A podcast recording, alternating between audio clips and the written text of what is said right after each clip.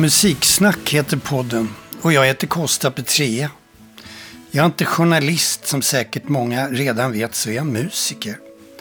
Den här lilla trilogin om Bill Årström den kom till runt 2008-2009 då jag fick i uppdrag av Sveriges Radio att göra en kompilation, ett urval och ljudbearbetning av deras liveinspelningar från 70-talet av en väldig massa svenska så kallade svensknamnsband som sen blev proggband.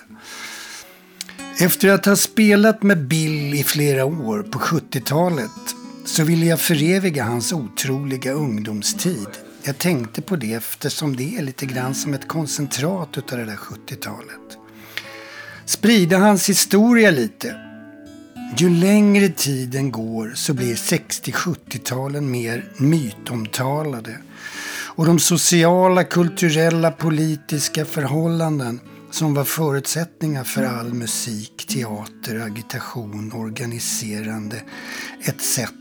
Det vill säga den idéhistoriska vinden. Den känns som en parentes i historien. Idag är vi business as usual. Bills liv, det är som ett koncentrat. En miniversion av allt det där som hände då på 60-70-talet. Jag minns som 12-13-åring att jag tyckte att The Who var ett galet tungt rockband. Kanske det första hårdrockbandet. För Bill så var detta märkliga, distade, högljudda lite skrämmande och vulgärt. Särskilt basen tyckte han. För oss tonåringar så var John Entwistles distade baslir och Keith Moons galna trumspel och Townshends feta mackor som han visuellt med stora armrörelser som en väderkvarn hamrade in på gitarren. Det var det som var attraktivt. Särskilt när de på slutet i extas kastade trummor och slog sönder gitarrer med full volym och lämnade scen som en rykande krigsscen tyckte vi var jättecoolt. Det nystartade bandet High Numbers testade lite olika sångare i början av sin karriär. På krokiga vägar kom det en svensk snubbe som gjorde ett inhopp på ett skolgig med bandet runt 1964. Men samtidigt så gjorde du gigs med andra band också. Cream också. Ja, men då var jag mera bara som... Eh, det var ju bara för att jag förstod mig på det. Ja, men, alltså, men, eh, men, men alltså... Var du, jag jobbade åt Simon Brem. Som då... de ut på Polygram? Cream? Ja. Okej. Okay. Mm. Både de och Hendrix och Who var våra. Och du så hade, det hade jag ju Du hade connection, connection med alla de banden då? Jag kan inte säga att jag hade någon connection med Cream mer, än, mer än yrkesmässigt. Who hade jag lärt känna i London. På vilket sätt då? Ja, det kanske låter lite konstigt, men, men de hade bett mig att bli sångare i bandet faktiskt. Va? Men... Eh, När är det här? Det här är väl 65, den sommaren då då allting hände runt det här popgrejen. Ja, så, mm. så då hade de fortfarande inget namn då, därför de fortfarande kallar sig för The Who, för de gjorde spelningar. Så då hängde, hängde jag med um, deras manager upp till, um, till hans lilla, ja, vindsstudio eller vad man ska kalla det för. Mm. Studio, det var alltså två Tandbergs bandspelare som stod och den ena lät och den andra spelade in. Okay. Och så kunde man göra ett pålägg på så sätt. Det var, det var managerns ställe? Nej, det var Townsends. Det var Townsend. Ja, han hade ett ställe där. Eller vem som ägde det vet jag inte. Men det var han. Ja, det var, där, det var Townsends. Vi gick dit upp och, mm. och så fick, man, fick jag vara med och spela på tändsticksask då för att göra trummorna. Vad var det för låt? Ja, det, han gjorde... De, Höll han på att skriva låtar där? Han gjorde de här, My Generation, han gjorde Circles, han gjorde The Kids Are Alright. När du var där? När jag var där, ja. Alltså, han skrev inte alla de låtarna, han höll på med dem. Han höll på med alltså, så jag kände igen när de sen kom på skiva. Du kände igen riff? Så kände jag igen de, de fyra låtarna. Nej då, han hade gjort eh, sång och allting. Han hade gjort eh, de här... Pete Townshend som sångare? Ja, visst. Han hade sjungit eh, eh, lead och, och de här bakgrunds... Kids are alright. Liksom okay. bakgrundssång och allting. Ja,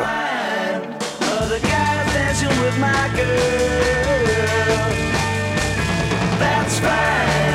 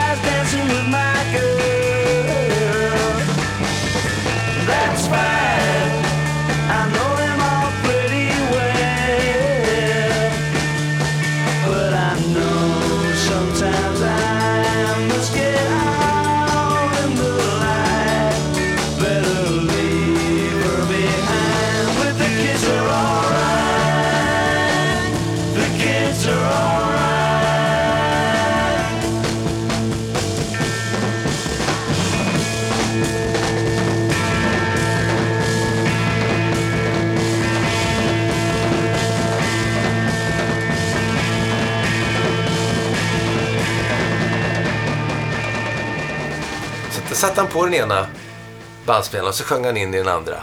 Med, tillsammans med bandet. Ja, just Ja, just det. Så fick ju någon göra någonting annat samtidigt då. Till exempel spela trummor på tändsticksask. Ja, just.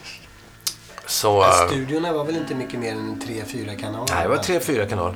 Oftast, ja, oftast tre och i lyxigaste fall fyra då. Ja. Och så fick man pingponga mellan dem. Ja, och sen vet inte jag det här med...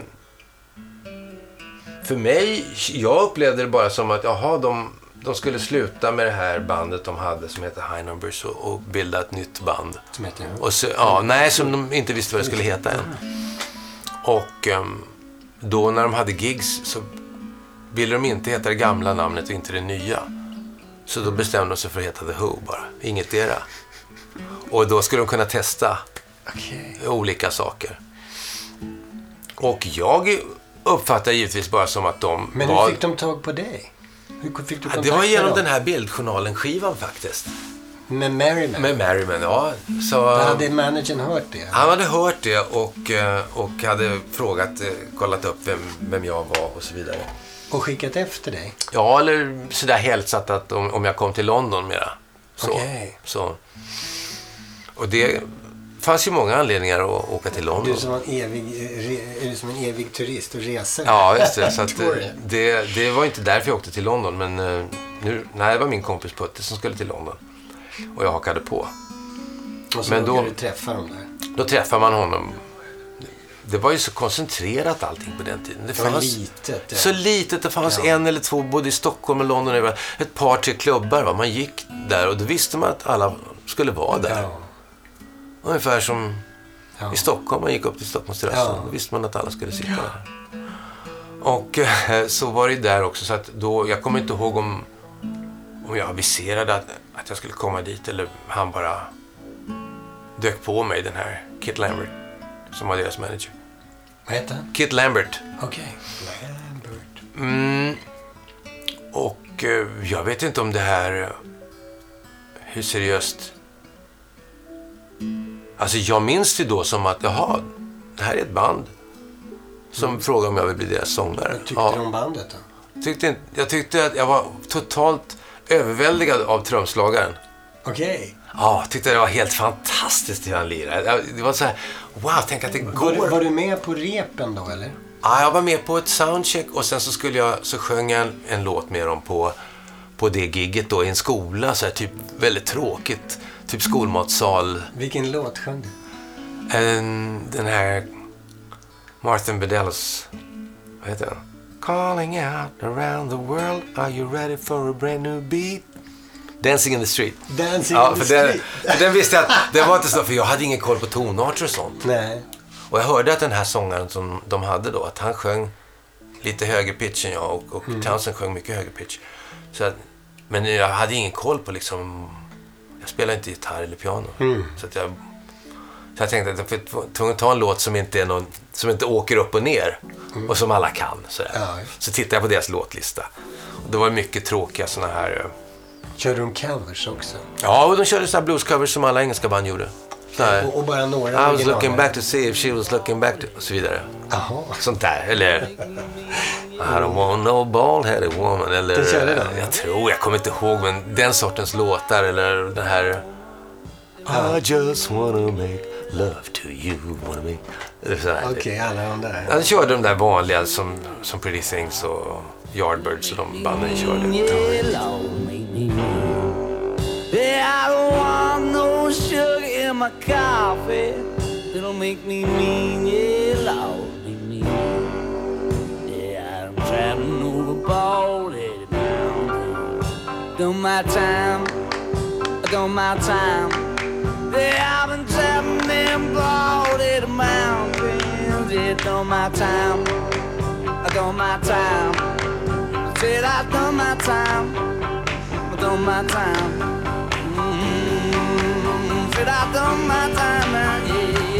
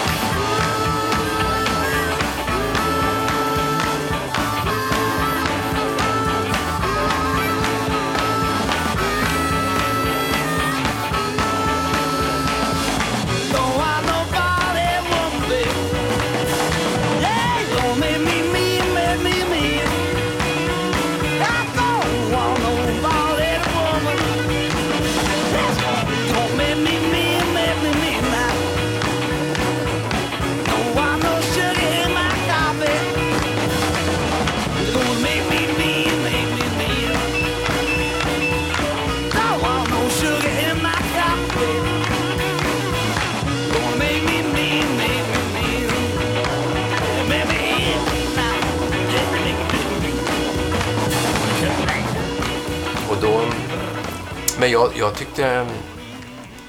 Jag tyckte det var för aggressivt och jag tyckte inte alls om bandet, måste jag säga. Nej, jag det var för heavy. ingen som spelade, tyckte jag. Jag tyckte det var, de bara så... Och basen, jag kommer ihåg att jag, jag kände liksom... Om man känner basen i magen, då är det något fel. Precis nu tvärtom liksom. John Alla, Entwistle. alla rock... Han var ju- Journalister som inte har några öron, Han som hade bara känner... otroliga chops, John Entwist. Ja, men jag tyckte att det var... Jag tyckte det var, Det var för inget- ing, Ja, det var inget... Det var ingenting för mig. Nej. Så att jag... ehm, jag bara sjöng det lite plikt- pliktskyldigt. Sen stannade jag kvar där giget. tyckte det var fascinerande att se och höra dem. Alltså, men, Mm. men jag tyckte det var ot, lite otäckt. Jaha. Ja, det här enorma ljudvolymen. Och ehm, Ja, han fick ju hörselproblem. så det här också- basljudet alltså. Ja. Ja, det kommer jag ihåg. Det, det tyckte jag var hemskt. Mm. Och så den här gitarren som aldrig lirade någonting utan bara drämde på. Feta mackor. Ja, alltså liksom bara... Inga solon. Ja, inga solon. Jag skulle jag tyckte gitarr, alltså en trio för mig. Det, Som är liksom grunden till all rockmusik idag. ja, just det. Jodå. Nej, men då tyckte jag det skulle vara så. här, Gitarrister skulle stå och lira som Clapton eller, Ja. eller någon åtminstone. Så, och så, Han, han la feta mackor. Ja, så låg hela den där engelska vågen låg ju före, så man hade ingen, man var inte förberedd på något sätt. Nej. Man hade inte hört det där som förebådade Cream och Hendrix och, och, och Who alls. Volymen. De hade väl förmodligen hört andra band som försökte bräcka dem och så försökte de bräcka dem och skaffa större högtalare och större stärkare och så vidare. Men Det själv var någon kom man då... historia om Jimpa, eh, om Hendrix, att de fick ganska små stärkare när de kom först. Att Chas Chandler, deras manager. Och så ville de ha större och större. Ja. Sluta med Marshall-stackar. Ja. Så det, det där var inget som jag tyckte lät något kul. Men det är klart man tänkt ibland att det kunde varit kul att vara med i ett sånt band. Och det hade säkert inte blivit bättre eller sämre av att jag hade varit med. Nej. Det låter förmätet va? Ja, ja. Nej, men jag tänkte på, jag tänkte på, inte då tänkte jag aldrig på det, men så här 20 år senare har det, jag det är tänkt. som all popmusik, sångaren, sångaren ska bara ha eh, personlighet. Mm. Om, om Per Gessle kan sjunga och så vidare. Och Ja, kan, det få en, kan få en etta. Det, det, det, det är inte så intressant. Nej. Man känner igen den där rösten. Ja, just det. Just det. Och, och, och till slut så lär man sig att gilla det. Ja. Eh, speciellt de som är i den åldern. Det ska komma, precis det. är Och de äldre som är musik... Eh, eh, Bevandrade då? Nej. Fattar ingenting. Nej, så är det. Ja. Mm. Och det är ju det, det finns ju ingen som förstår sig på Stones som är Nej. i fel generation så att säga. Nej, nej. just det. Och där är jag på gränsen. Nej, men jag, jag beundrar deras eh, alltså, produktioner efter den här blues eh, försöken eller vad man ska kalla det för. Ja. ja, de gjorde ju också någonting utav det som blev... Oh ja, oh ja, fantastiska grejer.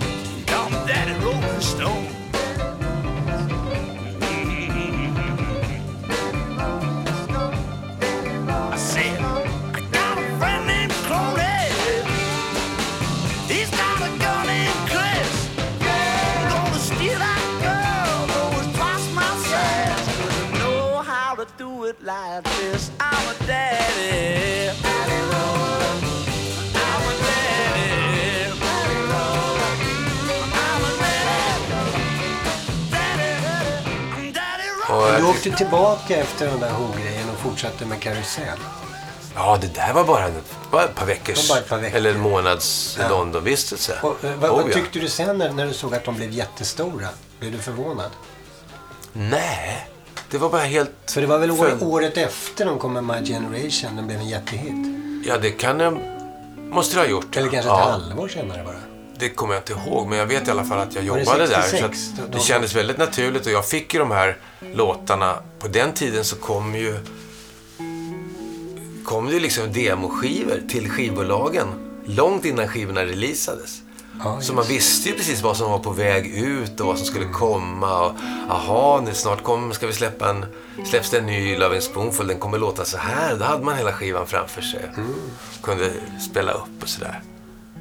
Och eh, på Philips var det fantastiskt på, på stället där. För då hade ehm,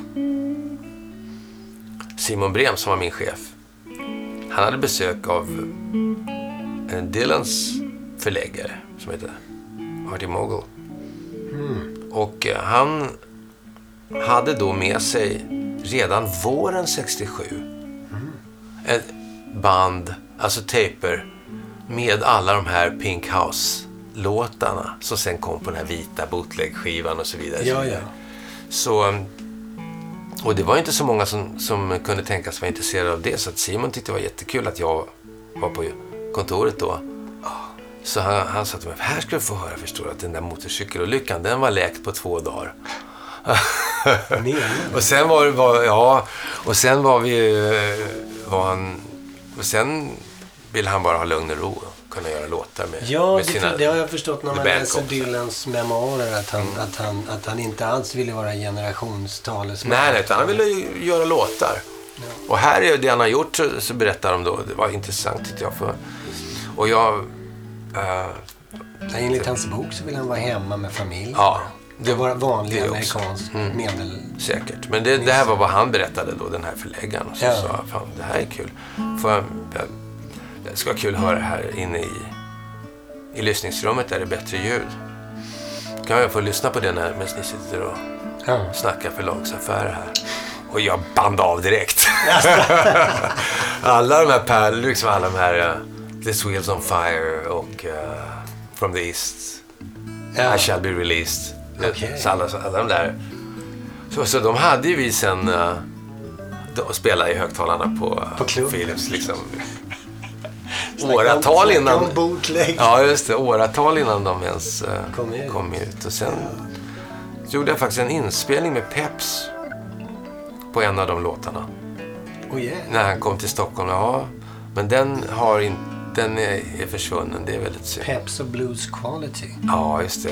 Peps hette något, något, ännu någonting annat, ännu tidigare. Linking Louisiana. Ja, det, den var jag med och spelade på. Spelade trummor, ja. Trummor? Ja, trummor på, ett par, på långsamma låtar och kongas på, dem, på några andra. På, på Sonett, eller? Var Det det väl. Det var egentligen ett, också sånt där grej att Peps var i stan och vi satt faktiskt och jammade på kårhusockupationen. Jag och Peps och brorsan. Ja, det kommer han säkert inte ihåg, eller så gör han det. Och sen ordnade jag en, en blueskonsert i Kungsan med basgags, Peps, Slim Notini som jag då tycker fortfarande är Sveriges genom tiderna bästa bluesartist. Mm.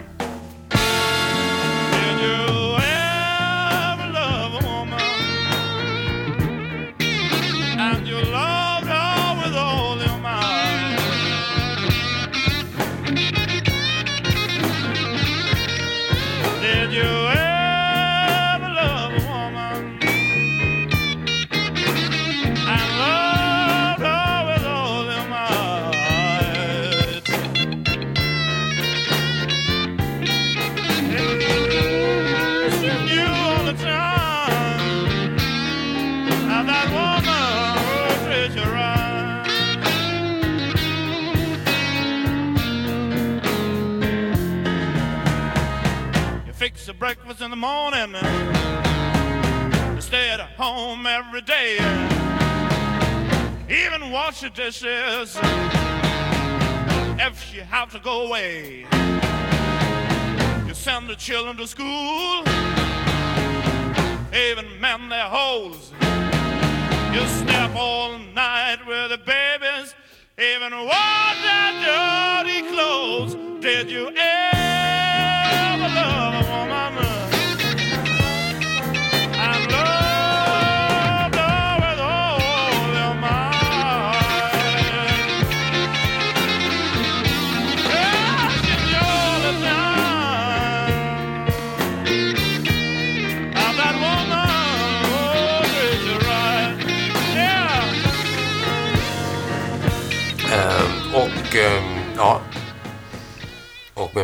trummor kommer jag ihåg. Hur det nu kan ha varit. Men jag kanske inte var så dålig, jag vet inte. Ingen sång där, eller? Nej, jag sjöng inte. Det dröjde tills du och jag jobbade ihop. Nej, det dröjde till här innan jag började sjunga. Ja, till här.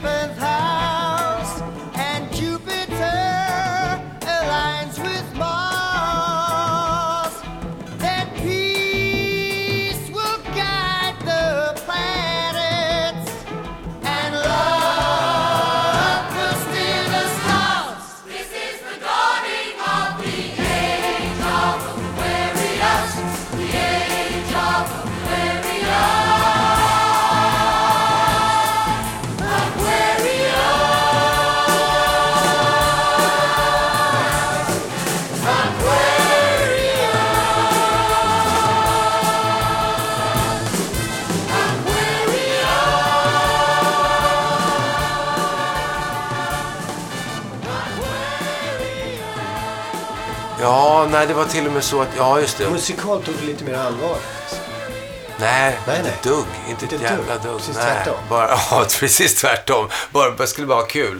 Alltså man fick vara hippie på heltid och få Du, betalt du, för det. du, du var hippie eh, redan, redan innan, liksom, genom Ja. hela 60-talet. Ja, det var och samma- kom med långt blont hår till, till någon audition, eller? Ja, snarare var det så att de sökte upp mig för att det var väl lite samma som med, med, eh, med Simon Brem och dem på, på Polydor. Att det, det, det såg ut som om det skulle gå att snacka med mig åtminstone. Jag menar, Stoffe och Kenta gick inte att snacka med va? Nej. Men det finns en, en hippie som, som verkar gå att snacka med. Så att de scoutade mig där, Bengt-Arne Wallin och hans kompanjon. Åh, var det Bengt-Arne? Mm, han hade skrivit, eh, han, det var han som gjorde översättningen och, och instrumentering och Ah, sånt där. Instuderingen. Så att han eh, scoutade mig för att jag skulle vara någon sorts musikal A&R kan man säga. Att jag skulle hjälpa till att få dit folk till ehm, Intressanta ungdomar. Ja, helt enkelt som ville vara med. Och då slutade det förstås med att jag blev med och fick spela huvudrollen själv. Vad var det? Alltså Stockholmsversionen? På, Stockholm, på Scalateatern i Stockholm. ja. 1900. Och det var 68. Oh shit. Ja, det, du vet, det är På jävligt... Skala?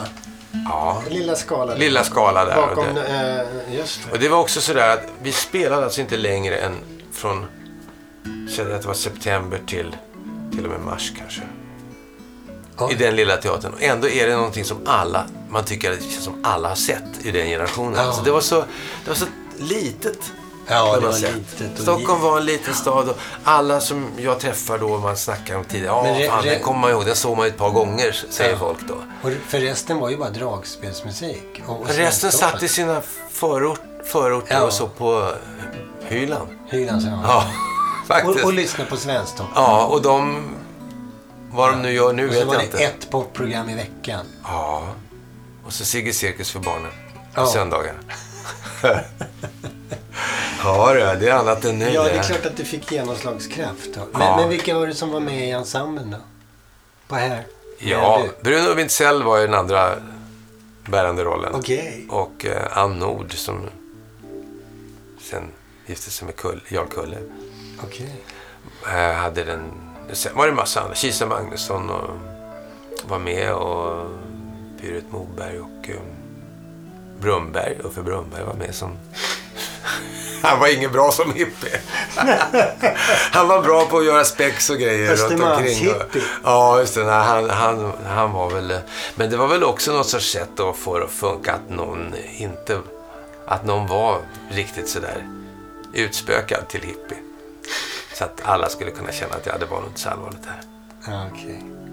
För, Översattes den till svenska? ja, det var...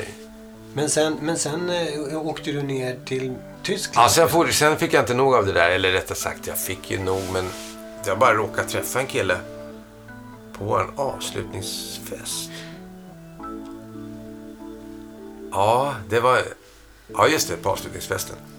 Så skulle köra ner till, till Italien. Okej. Och då satt vi och snackade klockan fyra på natten där. på Café Opera och så sa han att ja, vi kör imorgon klockan 12. Ska du med? Ja, jag ska med, så. Och så åkte jag med, men sen var han så jobbig så att jag hoppade av i München.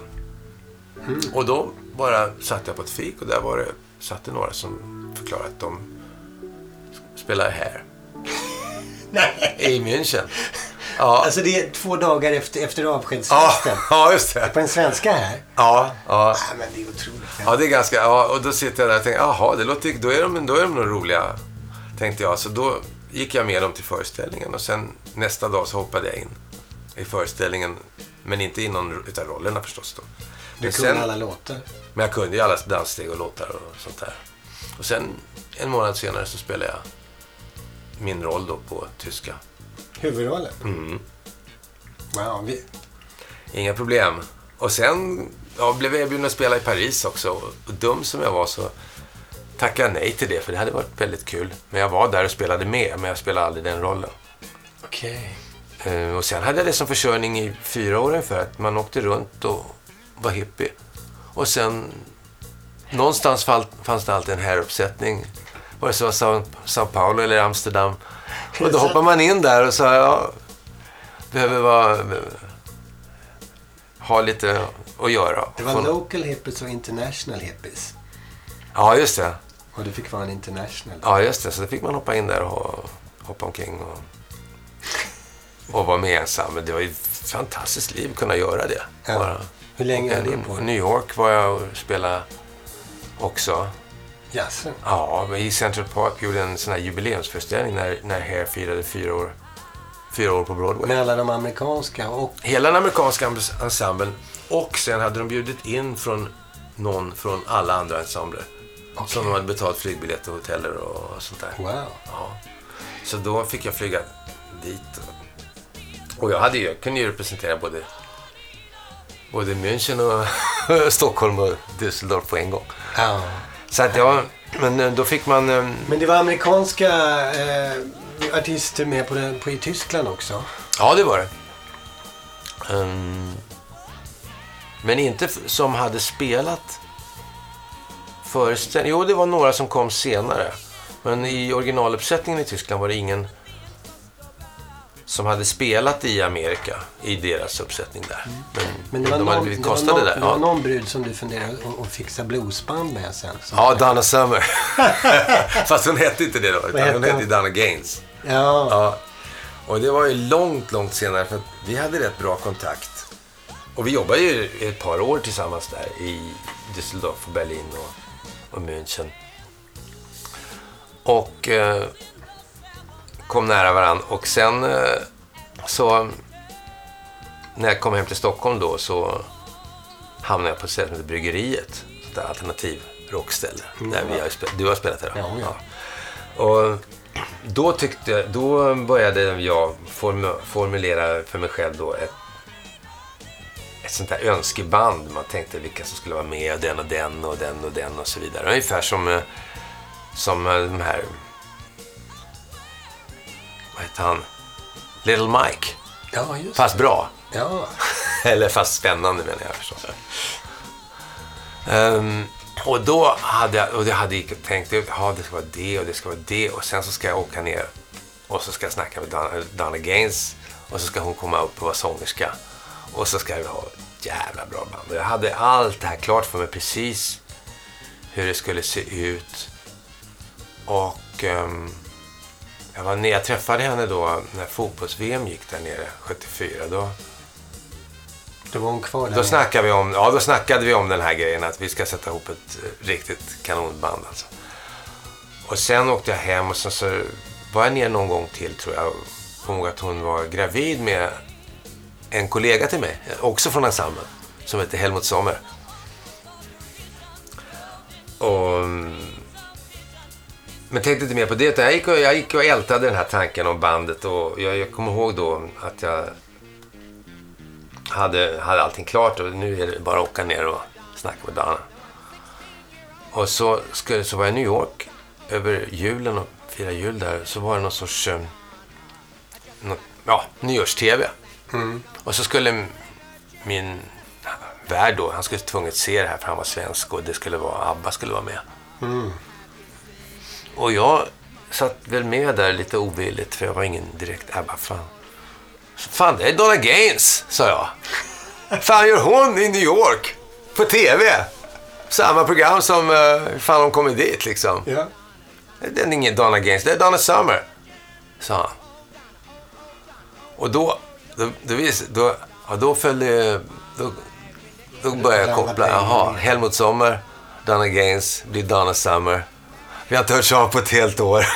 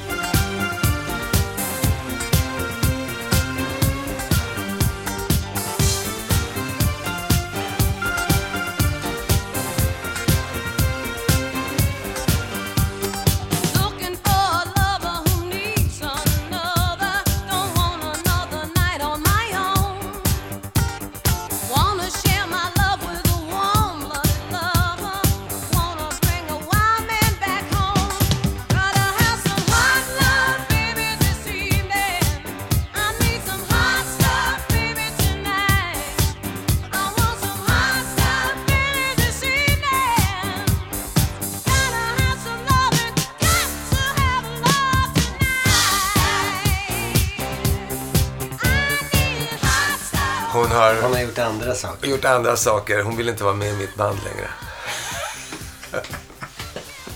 Disco Queen. Men sen, ja, sen träffade jag henne faktiskt och kom hon och hälsade på i Stockholm mycket senare. Men det var väldigt, väldigt kul. Hon skulle vara med i någonting som hette Jakob Stege.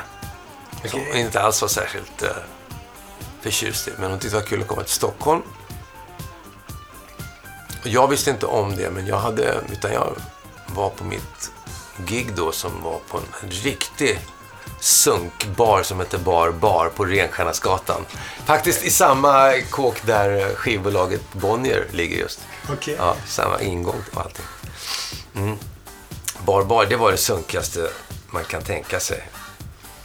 Och eh, jag hade precis börjat få så här ett 40 års dålig syn.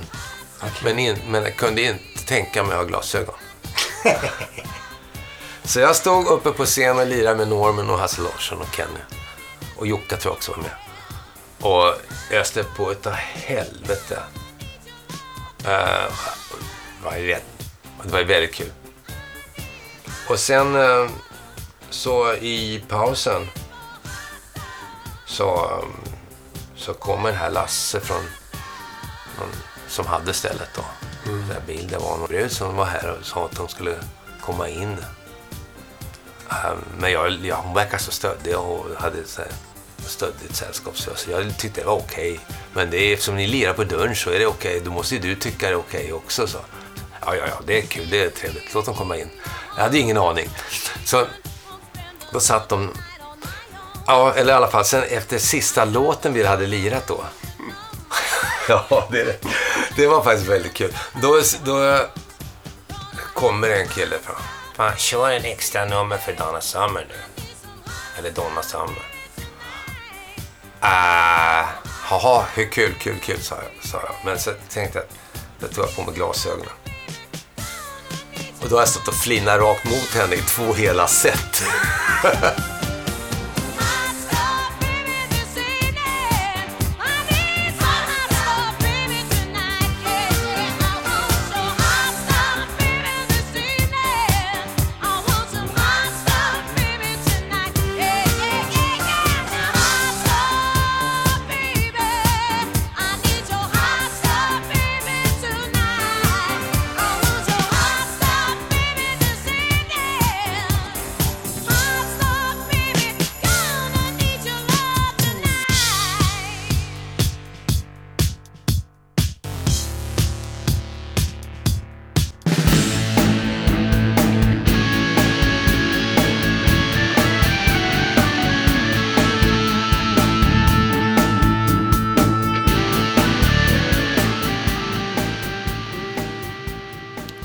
Ja, musiken ni lyssnade på, det var med The Who var det. The Kids Are Alright, Bald Headed Woman och Daddy Rollin' Stone. Och sen var det Slim Notini som gjorde låten Did You Ever Love a Woman? Och sen från Hair, ifrån eh, själva ursprungsmusikalen i deras teaterversion. Låten Aquarius, eller Let the Sunshine In som den kallas. Som är gjord av James Rother, Jerome Ragney och Galt McDermott. Jag säger deras namn för att artisterna är väldigt olika. Den som sjöng hette Ronnie Dyson.